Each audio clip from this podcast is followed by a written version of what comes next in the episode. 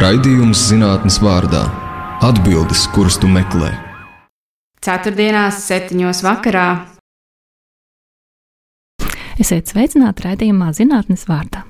Ar jums kopā ir Ieva Siliņa. Tuvojas svētku laiks, kad klāsim galdus un šaurākā vai plašākā lokā atzīmēsim gada nogali. Tomēr jebkura ēdienu gatavošana vai pat ūdens patērēšana var būt risks mūsu veselībai. Un ko tad darīt, lai mūsu priekus neaptumšo slimību vai pat nāvi? Šodien tādēļ runāsim par pārtikas gatavošanas higiēnu, dažādiem kaitīgiem mikroorganismiem, baktēriju toksīniem un metodēm, kā pasargāt sevi no saslimšanas. Šodienas raidījuma zinātnes vārdā viešņa - pārtikas un vidas mikrobioloģija Olga Valciņa. Olga ir pārtiks drošības, dzīvnieku veselības un vidas zinātniskā institūta biora direktora vietniece laboratoriju jautājumos. Institūts šobrīd aktīvi iesaistījies cīņā pret covid-19 pandēmiju, tostarp testējot Rīgas skolēnus. Tomēr turpinās arī zinātniskais darbs un tiek turēta rūpe par dažādiem mūsu sabiedrībai aktuāliem veselības jautājumiem. Olgas pētījuma tēma šobrīd ir legionellas, baktērijas, kas izraisa leģionāru slimību. Tas ir plaušu karsunis, kas neārstēts nāvējošs, un ar kuru var saslimt ieelpojot inficētu ūdeni. Šodien noskaidrosim, ko darīt, lai nesaslimtu. Tātad raidījuma zinātnes vārdā viesiņa šodien ir mikrobioloģija Olga Valciņa. Labdien! Labdien! Olga, kā nonāca pārtikas vidas mikrobioloģijā? Patiesībā diezgan apzināti. E, Tajā brīdī, kad es stājos Latvijas Universitātē biologos, es jau zināju, ka es būšu mikrobiologs. Jo pirms tam es biju mācījies Rīgas otrajā, tolaik medicīnas skolā. E, Stradiņa slimnīcas teritorijā tā atradās tajā laikā Felčera laboratoriju nodaļā, un mikrobioloģijas mums bija ļoti daudz. Un tad es sapratu, ko es gribu darīt. Tā kā es jau no pirmā kursa universitātē zināju, ka es būšu mikrobiologs. Apzināti cīnīties ar maziem bīstamiem organismiem? Negluži cīnīties, man patika viss tas process. Man patika tas, ka tās ir baktērijas, ka tās ir plates, ka tas ir agurs, kur tās aug, ka tās ir metodes, ka tu vari pataustīt to, ko neviens cits neredz. Taisnība. Kāda ir tava kā zinātnieces ikdiena? Patiesībā man šobrīd ir ļoti, ļoti daudz administratīva darba. Man ir ļoti daudz sarunu ar cilvēkiem, man ir neskaitāmas sapulces, lielākoties gan garlaicīgas un formālas. Man ir ļoti daudz dažādu semināru, tikšanos, ļoti daudz papīru rakstīšanas. Un tīrai zinātnē patiesībā, jo augstāk tu kāp pa karjeras kāpnēm, jo mazāk tev paliek laika. Runājot par organismiem, šobrīd mēs sabiedrībā milzu uzmanību pievēršam vienam vīrusam, kas ir Covid-19. Varētu teikt, tas pat visu laiku slavenākais vīrus, superzvaigzne. Bet ikdienā jau ļoti daudz daļas atrodas mums apkārt, vai ne visādi mikroorganismi. Pastāsti, kāda vīrusu, mikroorganismu, baktērijas dzīvo mums blakus, kā, mūs, kā mēs viņiem sadarbojamies, vai viņi mūs apdraud? Un tad ir klasiskais stāsts par to, ko visiem mācīja skolās, ka ir labie mikrobi, ir sliktie mikrobi. Ja par labajiem mēs ikdienā esam pieraduši nedomāt, tie ir baktērijas vai vīrusi vai sēnītes, kas ir pilnīgi visur un vienmēr, un tas ir normāli. Bet patiesībā šie labie mikroorganismi arī dara ļoti daudz darba, kuru varētu mēs sarežģīt. Bet mūsu šodienas tēma ir tie sliktie. No kā tad mums ir jābaidās? Un ja mēs runājam par pārtiku un vidi, tad, protams, ka mēs runājam visbiežāk par cilvēkiem un dzīvniekiem kopīgām slimībām, tas ir zoonozēm. Tad tās ir salmonellas, listērijas, jersīnijas, dažādas zarnu nūjiņas, kuras mēs varam dabūt ar pārtiku. Vai nu ar slikti sagatavotu, bet nevajag domāt, ka kaitīga un bīstama pārtika vienmēr ir arī vizuāli atšķirama. Mm. Bieži vien visizcilākā mājas torte var būt bīstama un aizvest veselu grupu vai kolektīvu, kas to ēdis uz slimnīcu. Jo tortē ir izmantotas lauku olas, par kurām nu nevienam vizuāli nešķiet, ka tajās varētu būt salmonellas, bet ir. Un kur tā vaina ir? Vistiņās?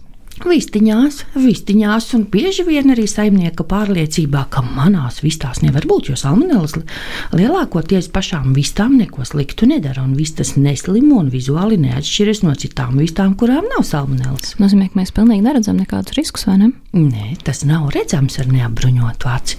Un tā mūsu pārliecība mēs varam ievazāt ar apaviem no citām saimniecībām, mēs varam no ārā ievazāt. Diemžēl, ja, ne visas lietas ir redzamas. Tieši tāpēc ir jāievēro ļoti ļoti daudz higiēnas pasākumu, arī Covid sakarā. Nu, es nesaprotu, kāpēc man jāmazgā rokas, jo viņas vizuāli izskatās tīras, bet ir jāmazgā. Jānezā maska, ir jā, jāgatavo termiski pārtika, tāpēc, ka to nevar redzēt, bet tas ir. Pastāstiet, kā atšķirās vīrusu, mikroorganismu, baktērijas?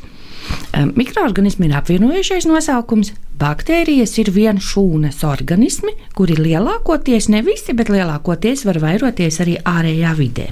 Mhm, Atšķirībā no vīrusa. Savukārt vīrusam vajag dzīvu šūnu, kurā ielīst iekšā, pieslēgties pie, pie šūnas ģenētiskā materiāla, teiksim tā, un izmantot šo šūnu par savu ražotni. Viņš tur vairojas, izmantojot šūnas uh, detaļas. Te. Tas sanāk, protams, vīrusam mēs esam vajadzīgi, vai ne? Bet tad sanāk, ka šīm baktērijām nesam. Viņas var dzīvot mierīgi bez mums. Daļa jā, bet, lai baktērijas tiktu tālāk, tiktu uz priekšu, evolucionēt, un daļa baktēriju arī ir intracelulāri parazīti, piemēram, tās pašas listērijas. Arī tām vajag dzīvu šūnu, kurā ielīst iekšā. Bet atšķirībā no vīrusiem, kaut gan ne visiem, protams, baktērijas diezgan bieži var ļoti labi saglabāties arī ārējā vidē, saglabāt savu inficēt spēju. Tur daudz dažādu nianšu ir. Kas tieši ir listērija? Listērija ir baktērija, par kuru visvairāk būtu jābaidās grūtniecēm un veciem cilvēkiem. Jo normālam, pieaugušam, veselam cilvēkam listērija var izraisīt varbūt nelielu caureju, bet savukārt grūtniecēm tas nozīmē bieži zaudētu augli. Senioriem tas nozīmē, var nozīmēt, un cilvēkiem ar novājinātu imunitāti arī nāvi. Un ar ko atšķirās listērija uzliesmojumi? Tie nenotiek tā kā, piemēram, salmonellām vai covidam, ka pēkšņi saslima 30 cilvēki. Tie ir uzliesmojumi, kas notiek pamazītēm, kādā, piemēram, pansionātā gadu laikā nomirst neparasti vairāk un mazliet vairāk cilvēku nekā, nekā citos gados. Un tad pēkšņi izrādās, ka viens tur destiņu piegādātājs ir piegādājis regulāri ar listērijām inficētas desas. Uh, bet attiecībā uz grūtniecēm mēs vienmēr runājam par riska produktiem. Tie ir augsti kūpināti produkti, tie ir mazsālītas lases, piemēram, ir augsta riska produkts un no nepasterizēta piena ražot sieri. Tās lietas, kuras daudzās valstīs arī uz iepakojuma ir rakstīts grūtniecēm nelietot. Bet kā mēs varam šos neredzamos mūsu ienaidniekus ieraudzīt un saprast, ka viņi tur ir, kā sev pasargāt? Es nedomāju, ka vajag katru dienu viņus redzēt, nu, tā vienkārši. Eh, bet saprast dažas vienkāršas tādas eh, pamatlietas, pamat eh, ka, ja mēs ēdam gaļu, tad ir nepieciešams to termiski apstrādāt.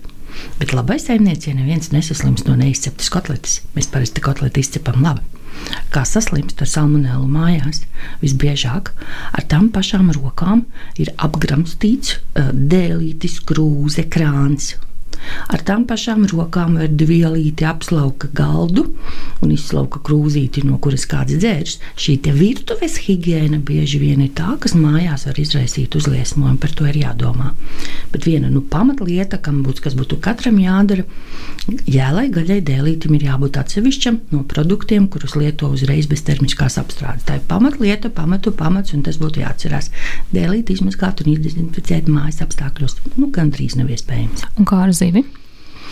Ar zivīm ir tieši tāpat. Arī zivīm mēdz būt listērijas, zivīm mēdz būt arī citas uh, sliktas baktērijas.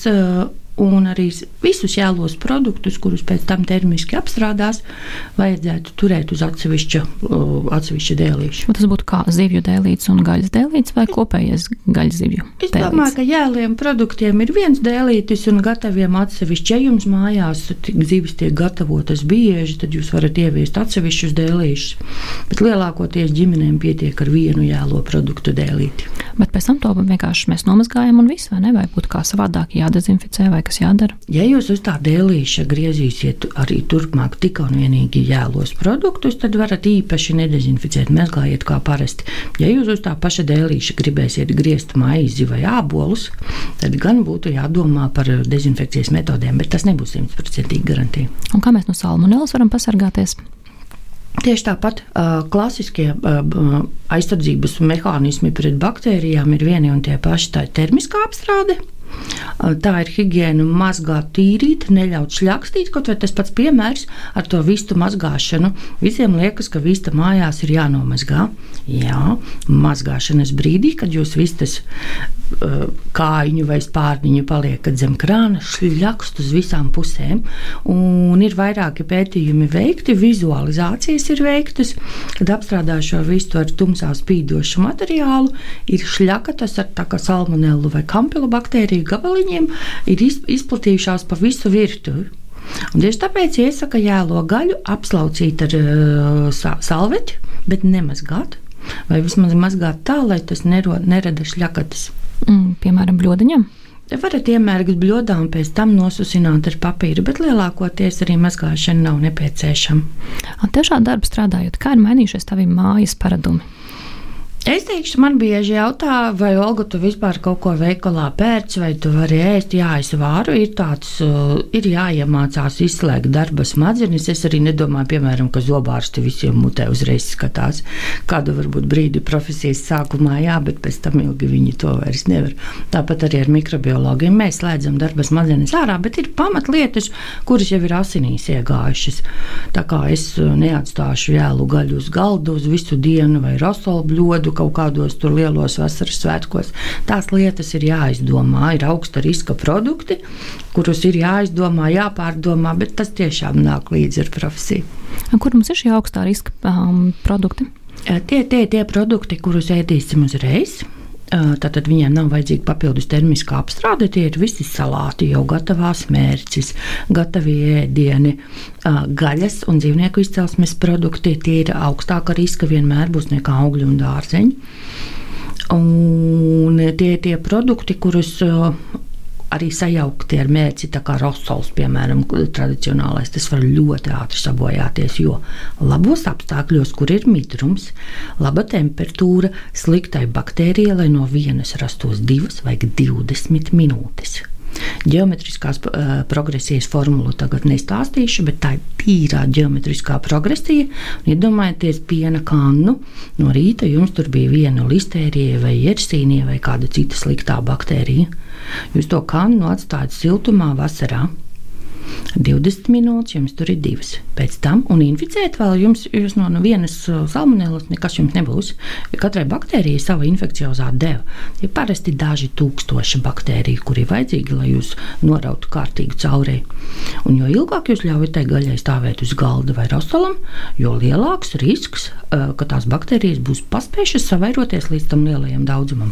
Bet patiesībā jau istabas temperatūra ir pilnīgi pietiekama vidi viņām savairoties, vai ne? Absolūti pietiekama. Pat mums, ļoti labi. Mums patīk, un baktērijām patīk. Jā, jā, jā. Bet leduskapī tur ir droši. Nē, ir baktērijas, kurām patīk augsta apstākļi. Tās ir listērijas, tās ir iersīnijas, kurām patīk vēsāka temperatūra. E, tas nenotiek 20 minūšu laikā. Tas gan jāatzīst. Uh, Tieši tāpēc ir daudz produktu ar salīdzinoši īsiem derīguma termiņiem, un tas nav tāpat. Šis derīguma termiņš nav tāpat. Uh, noteikts, lai mēs mestu produktus ārā. Nevienmēr produkts, kurš ir pilnībā, kuram ir beidzies derīguma termiņš, ir bīstams.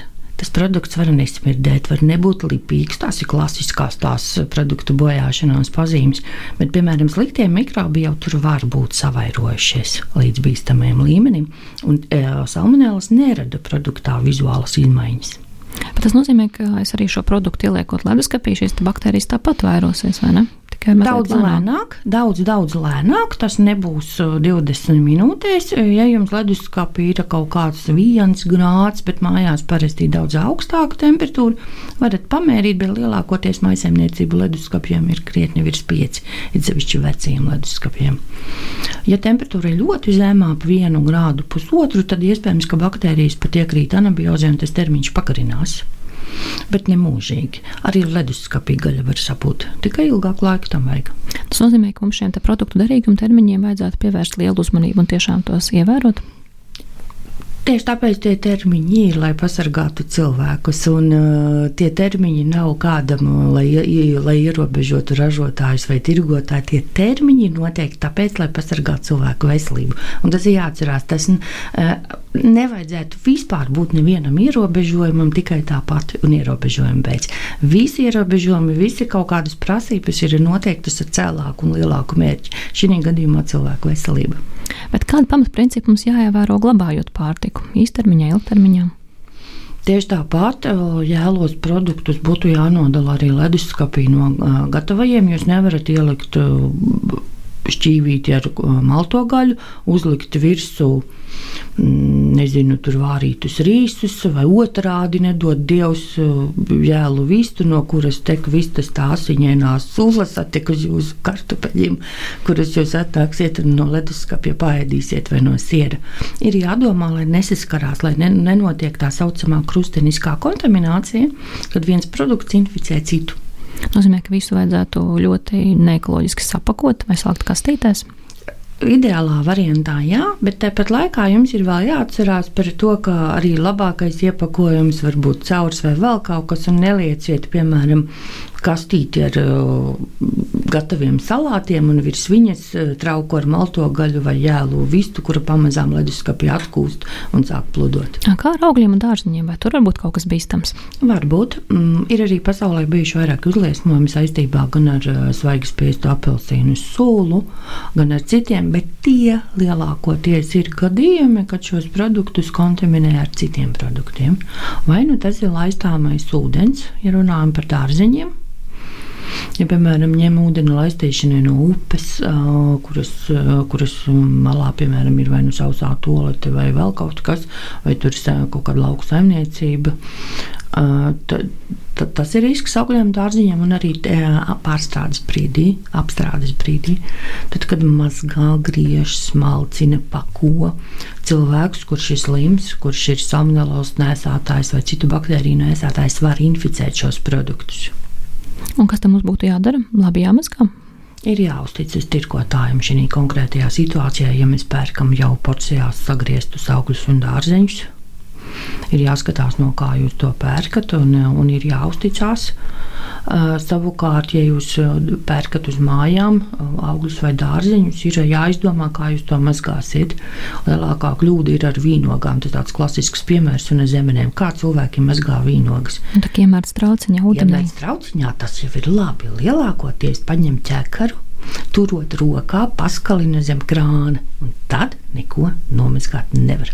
Un kas būtu jādara? Ir jāiemērts bļodā pilnībā, un tas ūdens tajā, un tās vīnogas tur jākustina pa to bļodu, un tas ūdens pāris reizes jānomaina. Citādāk jūs netiksiet klāt, jo vīnogas, iedomājieties, viņš, viņu tur ir daudz, viņas ir cieši saskārušās, tās vietas, kur vīnogas savienojas ar kātiņu, tur vispār tā kā jūs paskaliniet zem krāni, tur netiek pat ūdens klāt, jo cik ātri jūs to izdarat, nu slinkums jau kurš grib ātri to darīt. Un tad jāiemērts pilnībā. Un kā ar pārējiem dārziņiem arī būtu jāmazgā vairākos ūdeņos? Ir jāmazgā vai nu labā tekošā ūdenī, ja tie ir piemēram kaut kādi zemē bijušie dārziņi, bet tos, kurus jūs ēdīsiet uzreiz, arī salātu lapas ir jāiemērc. Jā. Un kā ar mandarīniem un banāniem?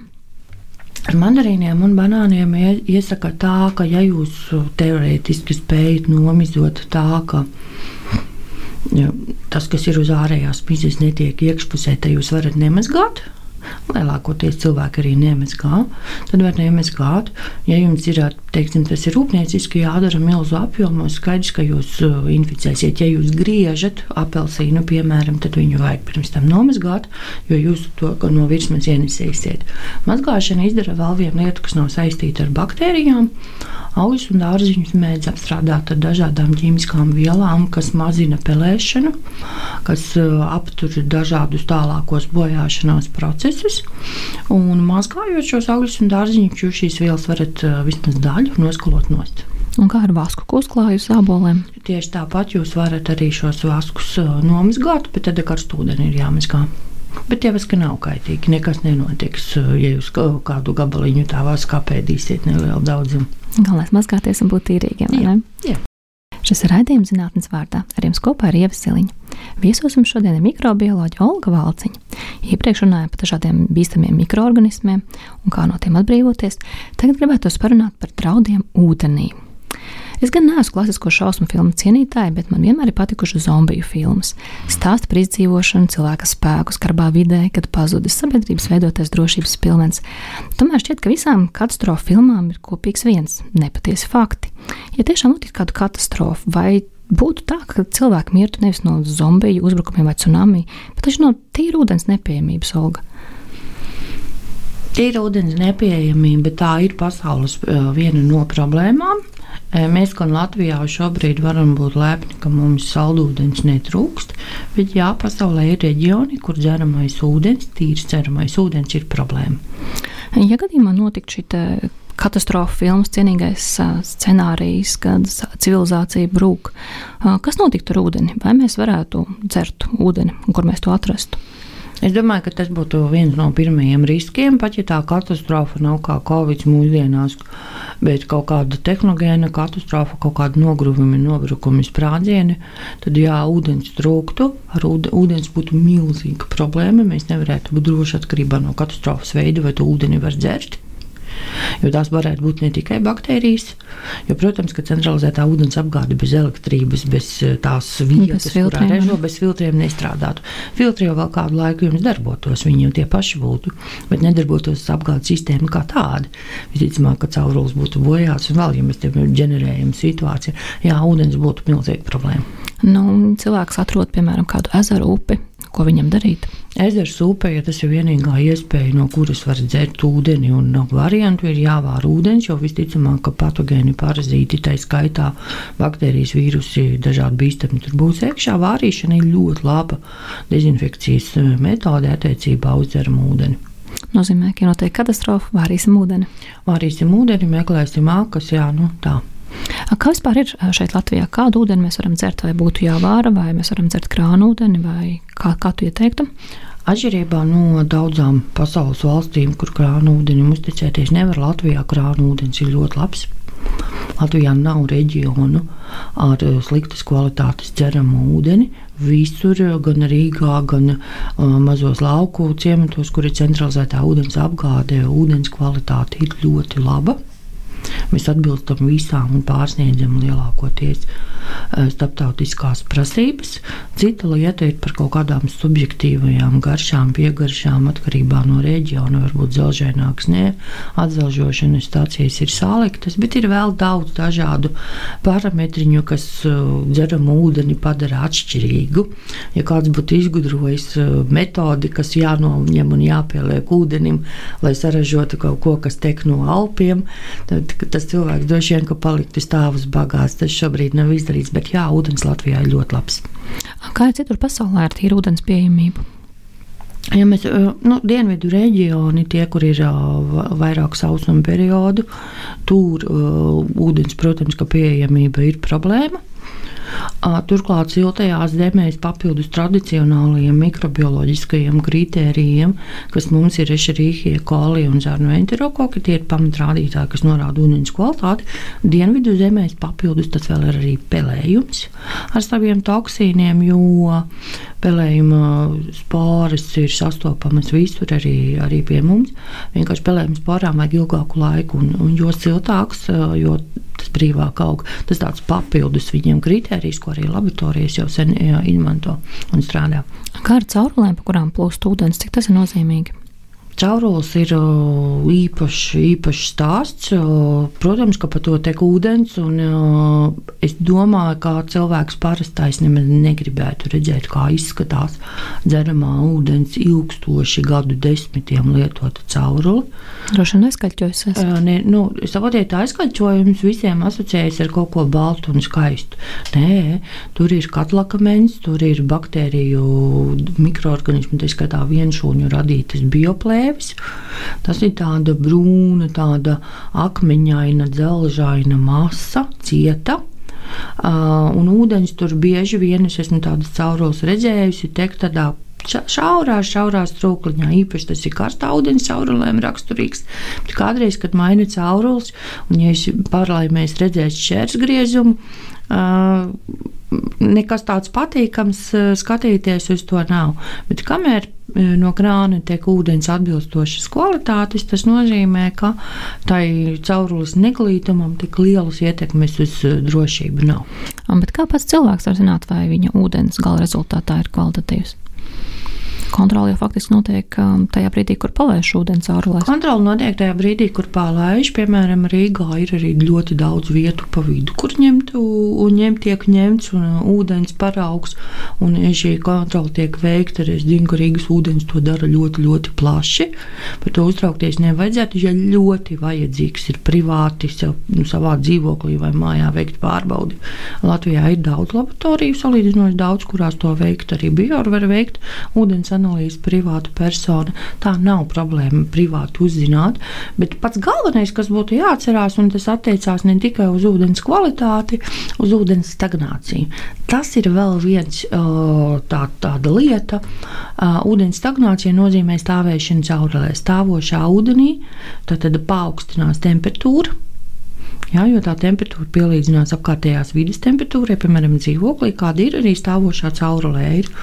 Un tas būtu jāatcerās eh, vispār no eh, mikrobioloģiskā riska attiecībā uz dzeramo ūdeni. Tur vairojas gan sliktās baktērijas, tās pašas legionēlas. Ir tīpaši tas ir jāatcerās brīdī pēc ceļojumiem, kad jūs ilgstoši pēc atvaļinājuma neesat bijuši mājās, kas ir jādara atgriežoties no, atgriežoties no ceļojuma. Arī karstā dienā nevajag uzreiz skriet dušā, Noteciniet ūdeni, to, kas ir caurulēs sastāvējies, noteciniet tā, lai neveidojas ūdens aerosols.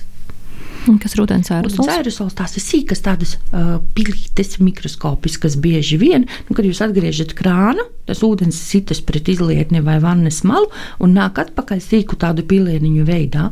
Tie pilieniņi var saturēt legionēlus Nozīmē, tas ir dušā, vai ne? Tas ir dušā, arī, arī izlietnē tas var, var notikt, mazgājot rokas. Tāpēc to pirmo ūdeni vajag notecināt. Bet šīs legionēlas viņas būs tikai pēc atvaļinājuma, vai viņas var sagaidīt mums arī vakarā pēc darba? Es teikšu tā, ka Rīgā daudz dzīvokļu mājas, gan arī simtprocentīgi visas ūdens apgādes sistēma ir inficēta legionēlām. Tas nav nekāds noslēpums un nav nekāds jaunums. Nozīmē, ka tās dzīvo mūsu Caurulēs? Caurulēs, ūdens apgādes sistēmas caurulēs tās dzīvo. Un šī ūdens stagnācijas periodi veicina jaunu perēkļu veidošanos un viņu savairošanos. Uh -huh, nozīmē, ka pēc atvaļinājuma viņas būs savairojušās. Un kas notiks tajā brīdī, ja mēs nenotecināsim šo ūdeni?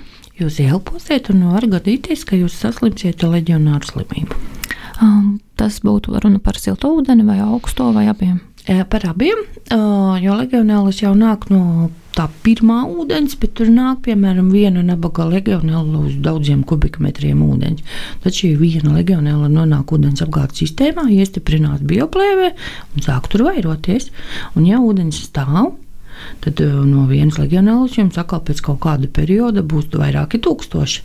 Un tas nozīmē, ka nevis katra miljonā ūdens pilīte saturēs kādu vienu baktēriju, bet katrā mazajā pilienā jums būs ļoti daudzas baktērijas. Kādēļ šī baktērija nav bīstama mazgājoties, bet ir bīstama, ja mēs elpojam? Nu, tieši, tieši mazgājoties, jau tā elpošana, arī ielpošana notiek. Šī baktērija nav bīstama iedzerot. Jo gremošanas traktā nekādu kaitējumu lielākoties nenodara. Baktērija bīstama tajā brīdī, kad tā nonāk elpoceļos. Un kas notiek? Kā izpaužās leģionāra slimība? Leģionāra slimība ir plaušu karsonis, kuru sākumā ir pat bieži vien grūti atpazīt, jo ārstē ar klasiskām antibiotikām un legionēlu šīs antibiotikas nedarbojas. Tieši tāpēc, tieši tāpēc tas ir sarežģīti. Bieži vien diagnoze atnāk vēlāk uh, nekā, nekā, nekā vajadzētu. Un, attiecīgi, cilvēkam pēc tam ir arī diezgan ilgas sekas, uh, lai uh, tiktu galā ar leģionāru slimību. Kādēļ to sauc par leģionāru slimību? Ah, pirmo reizi tā slimība tika konstatēta Amerikā, Filadelfijā. Notika starptautisks uh, bijušo karavīru leģionu kongress, konvents, uh, ļoti greznā viesnīcā. Uh, un pēc tam Tas arī nav uzliesmojums, kas notiek nekavējoties, jo diezgan ilgs inkubācijas periods. Pēc tam vairāki simti cilvēku saslima. Viņi atgriezās mājās pa visu Ameriku un vairāki desmiti cilvēku nomira. Un tad sāka pētīt. Tas viss bija pilnīgi jauns, bija milzīgs preses spiediens uz zinātniekiem, uz laboratorijām, uz epidemiologiem. Bija milzīgs preses spiediens, milzīgs ģimeņu spiediens, un tad tika atklāta šī jaunā baktērija kuru nosauca Legionella par godu šiem, uh, ar cieņu pret šiem leģionāriem, kuri pirmie šo slimību dabūja, un pneimofila. Tā ir legionēla pneimofila, kas ar nu, milzu plaušas šī baktērija. Pēc tam, retrospektīvi, kad jau tika konstatēts, ka šī baktērija tika nu, ka, mm, saprasts, ka bija, ir bijuši vēl vairāki gadījumi. Un e, šī e, Filadelfijas gadījumā šī baktērija bija e, viesnīcas gaisa kondicionēšanas sistēmā. Tā ir otra bīstamā vieta, kas attiecās uz šo baktēriju. Tā mēdz dzīvot kondicionieros, kondensātā savākties un tad izplatīt šo jau sīkā aerosola veidā, ko var ieelpot. Tas nozīmē, ka mēs varam notecināt um, centīgi savu ūdeni, bet tajā pašā laikā tāpat dabūt šo slimību. Uh, varam, bet tieši, tā, tieši tāpēc jau mūsdienās uh, mēs vācam informāciju, tieši tāpēc strādā pārtikas un vidas zinātnieki. Mēs vācam jaunas zināšanas, mēs saprotam, kur un kā šīs baktērijas darbojas. Mēs saprotam, kā uz šīm baktērijām iedarboties. Tos pašus uh, kondicionierus arī mašīnās, starp citu, var leģionāru slimību dabūt arī mašīnu kondicionieri. Ir jātīra, jāapkalpo. Tas nav tā, ka es vienkārši ņemu atslēgas un braucu ar mašīnu desmit gadus un priecājos, ka man ir kondicionieris. Tas kondicionieris ir jāapkopj, jātīra un tāpat tas arī mājās. Uh, tā, ar ūdens apgādes sistēmu ir jādezinficē periodiski, jātīra, jāseko situācijai. Tieši to dara zinātnieki. Zinātnieki rada šo zinātnisko pamatu, rada šo bāzi, viņi iegūst zināšanas, kā tālāk pārvaldīt riskus. Un te mēs redzam šo tandēmu, priekš kam ir vajadzīgi zinātnieki. Ja zinātnieki nestrādātu, mēs nezinātu, ka šīs baktērijas ir legionēlas un ka uh, kondicionēšanas sistēmas ir jātīra.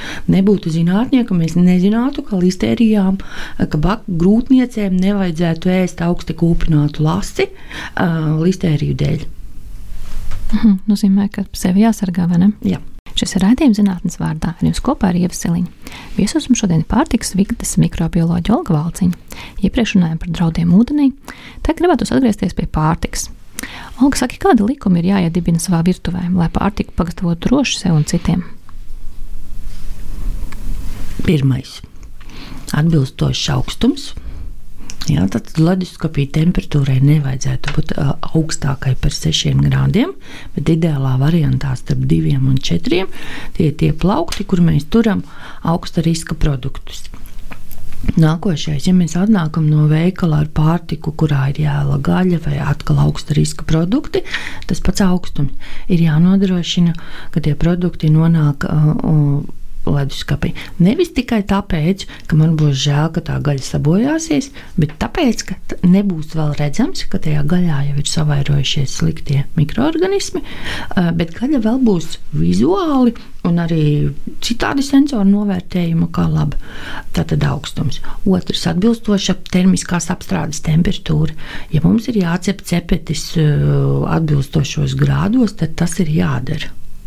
Ja, tad, tad, ja mums vajag, lai kotlete ir izcepusies un iekšā nav asiņaina sula, tad tā kotlete tā ir jācep.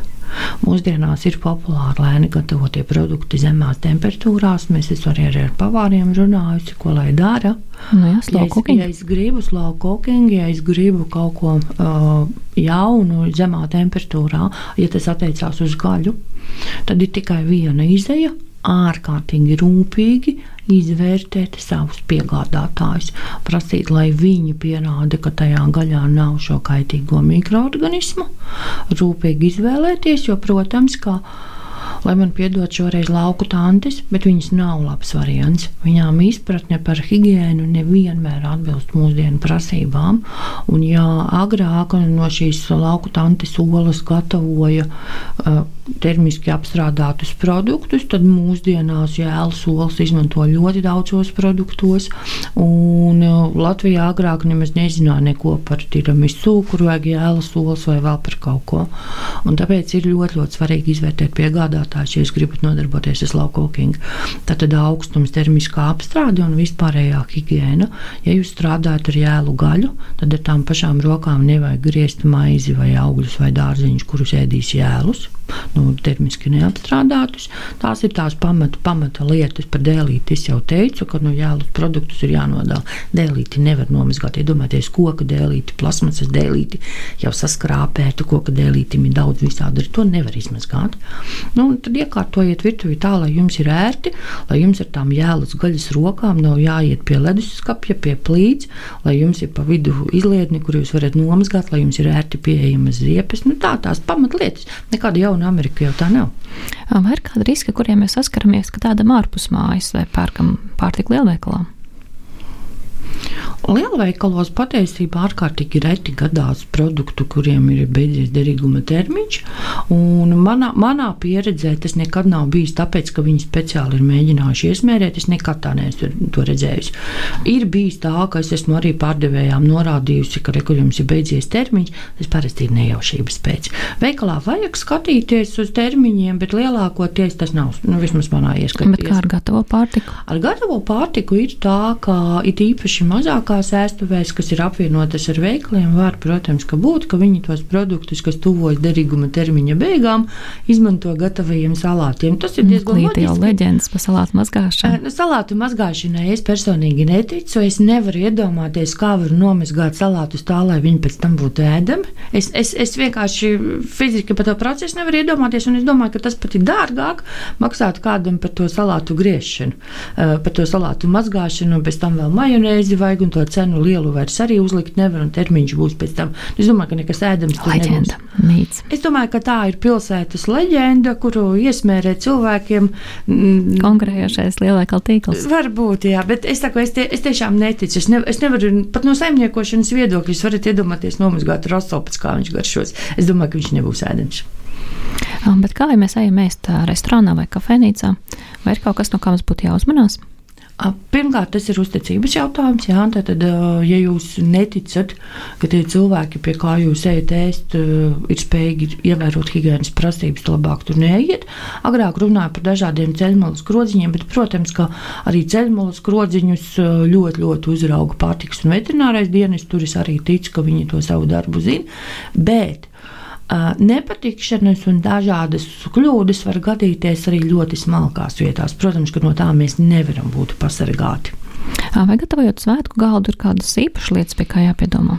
Jā, ir jāpiedomā pie uh, vienkāršas savu darbu secības. Ja jūs jau sagatavosiet salātus ar mērķiem, piemēram, to pašu latviešu tradicionālo mīļāko rosolu, sagatavosiet un noliksiet uz galda visu dienu stāvēt, gaidīt vakaru, tā jau būs kļūda. Vispareizāk ir visas sastāvdaļas sagriezt, ja jūs gribat to darīt iepriekš, salikt leduskapī un sajaukt, jo tas sajauktais brīdis ir vislielākais risks. Un sajaukt pašā pēdējā brīdī pirms likšanas uz galda. Ja jūs esat pāēduši un negrasaties visu nakti turpināt ēšanu, tad augstu bojīgos produktus vajag atpakaļ salikt leduskapī. Karbonādīts un osala. Karbonādītis ir āsala, nu, tātad dzīvnieku izcelsmes un jauktos produktus. Tie ir tie augsta riska produkti, par kuriem ir jāpadomā. Kā atšķirās um, standarta cilvēku un dzīvnieku pārtikai? Vai mēs varētu teorētiski ēst mūrīša vai rekša pārtiku? E, no pārtikas drošības viedokļa domāju, ka viennozīmīgi jā. Uh, tur nav nekaitīgo mikrobu, tur nav nekā slikta. Jā, es domāju, ka nevienam nekas nenotiks, ja viņš ņems un izēdīs savu kaķa konservus vai sauso barību. Cita lieta, vai mums tas garšo, un cita lieta, vai tās uzturvielas, kas ir ieplānotas tieši kaķim, ir cilvēkam vajadzīgas. Bet es domāju, ka aizliegts tas nav. Kā laboratorijā nosaka, cik droši pārtika? Jā, katram pārtikas produktu tipam, produktu veidam pasaulē ir un arī Eiropas Savienībā noteikti nekaitīguma kritēriji. Protams, ka katru mikrobu pārbaudīt nevar, katru produktu partiju pārbaudīt nevar, bet ir obligātie nekaitīguma kritēriji. Tas attiecās gan uz ķīmiskajām vielām, gan uz mikroorganismiem. Un tad uh, ir produkts, piemēram, desa, kurai ir pateikts, ka visiem gataviem produktiem Latvijā, kas ir gatavoti paredzēti ēšanai bez termiskās apstrādes, šobrīd ir divi nekaitīguma kritēriji - salmonēls un listērijas. Citu mikrobioloģisko rādītāju nav tādu obligātu. Uh, Un tās ir tās pamatlietas, ko arī dara laboratorijas. Laboratorijas pārbauda atbilstību šiem obligātiem nekaitīguma kritērijiem, bet tas neizslēdz to, ka ir uh, vajadzība kādreiz vai nu izmeklēt epidemioloģiski noteikt kaut kādu jaunu patogēnu, kurš līdz šim nav bijis. Niešu standarts arī var mainīt, ja būs vajadzība. Tieši tā. Pastāst, ar ko tu nodarbojies ārpus pētniecības, kad neskaita listēles? Uh, Patiesībā, ja man, ja man jautājas, man pēdējos pāris gados ir parādījies jauns hobijs. Visi smējās, Olga, tev ir jauns hobijs. Es to saucu par hobiju, jo tas aizņem ļoti, ļoti daudz laika. Tas aizņem ļoti daudz enerģijas, tā ir pacienta aizstāvība. Tas viss notika nejauši. Man pašai bija 2017. gadā melanoma. Un es aizbraucu uz pirmo pacientu kongresu. Jā, ir, arī tādi. Aizbraucu uz pirmo pacientu kongresu un sapratu, ka tas notiek mega augstā līmenī.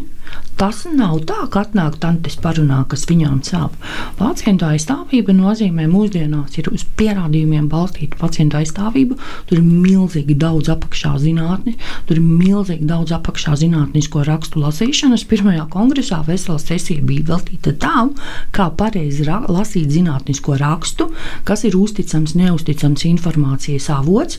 Arī pacientu organizācijām Latvijā mēs esam jau pirmo šādu veidu semināru rīkojuši, kad mēs aicinājām Latvijas top zinātniekus no dažādām Latvijas augstskolām stāstīt, kas ir laba un slikta zinātne. Jo tikai tad, kad mēs saprotam, ka tas ir palīdzējis citiem, tad mēs varam runāt, nevis piedāvāt vēža pacientiem kādu čuras vai sēnes vai vēl kaut ko, par ko mums nav faktu un datu. Ja mēs gribam izglābt cilvēkus, ja mēs gribam līdzvērtīgas izredzes uz dzīvi, tad tā ir uh, uz pierādījumiem balstīta pacientu aizstāvība, kas var palīdzēt. Tāpat pacientu aizstājot, tas būtu mācīt cilvēkiem atpazīt, kas ir patiesi, kas nē, šīs viltu ziņas par to, ka tējas sēne izārstēs vēzi. Tā, tas nav tikai mācīt cilvēkus. Pacientu aizstāvība nozīmē arī adekvātas un pietiekami kompetentas sarunas ar lēmumu pieņēmējiem. Tas nozīmē iesaistīšanos zinātniskajos projektos, tas nozīmē iesaistīšanos zinātnisko projektu un zinātnisko vajadzību izvērtēšanā. Jo man šobrīd, sēžot uz šiem diviem krēsliem, pacientu aizstāvība ir ārkārtīgi sarežģīti, jo bieži vien zinātne var notikt paša zinātnes pēc un pētīšanas pēc, un vai tas vienmēr ir, piemēram, pacienta interesēs, jo tas, par ko mēs runājam, par mūsu moto, par mūsu organizāciju met, moto, tad mums ir tādi pamati, tādi rādītāji, tie nav mūsu izgudroti, mēs tos pārņēmām arī no Eiropas pacientu organizācijām. Un, pirmkārt, pacients ir pirmajā vietā, Pēc tam ir risinājumi, nevis problēmas.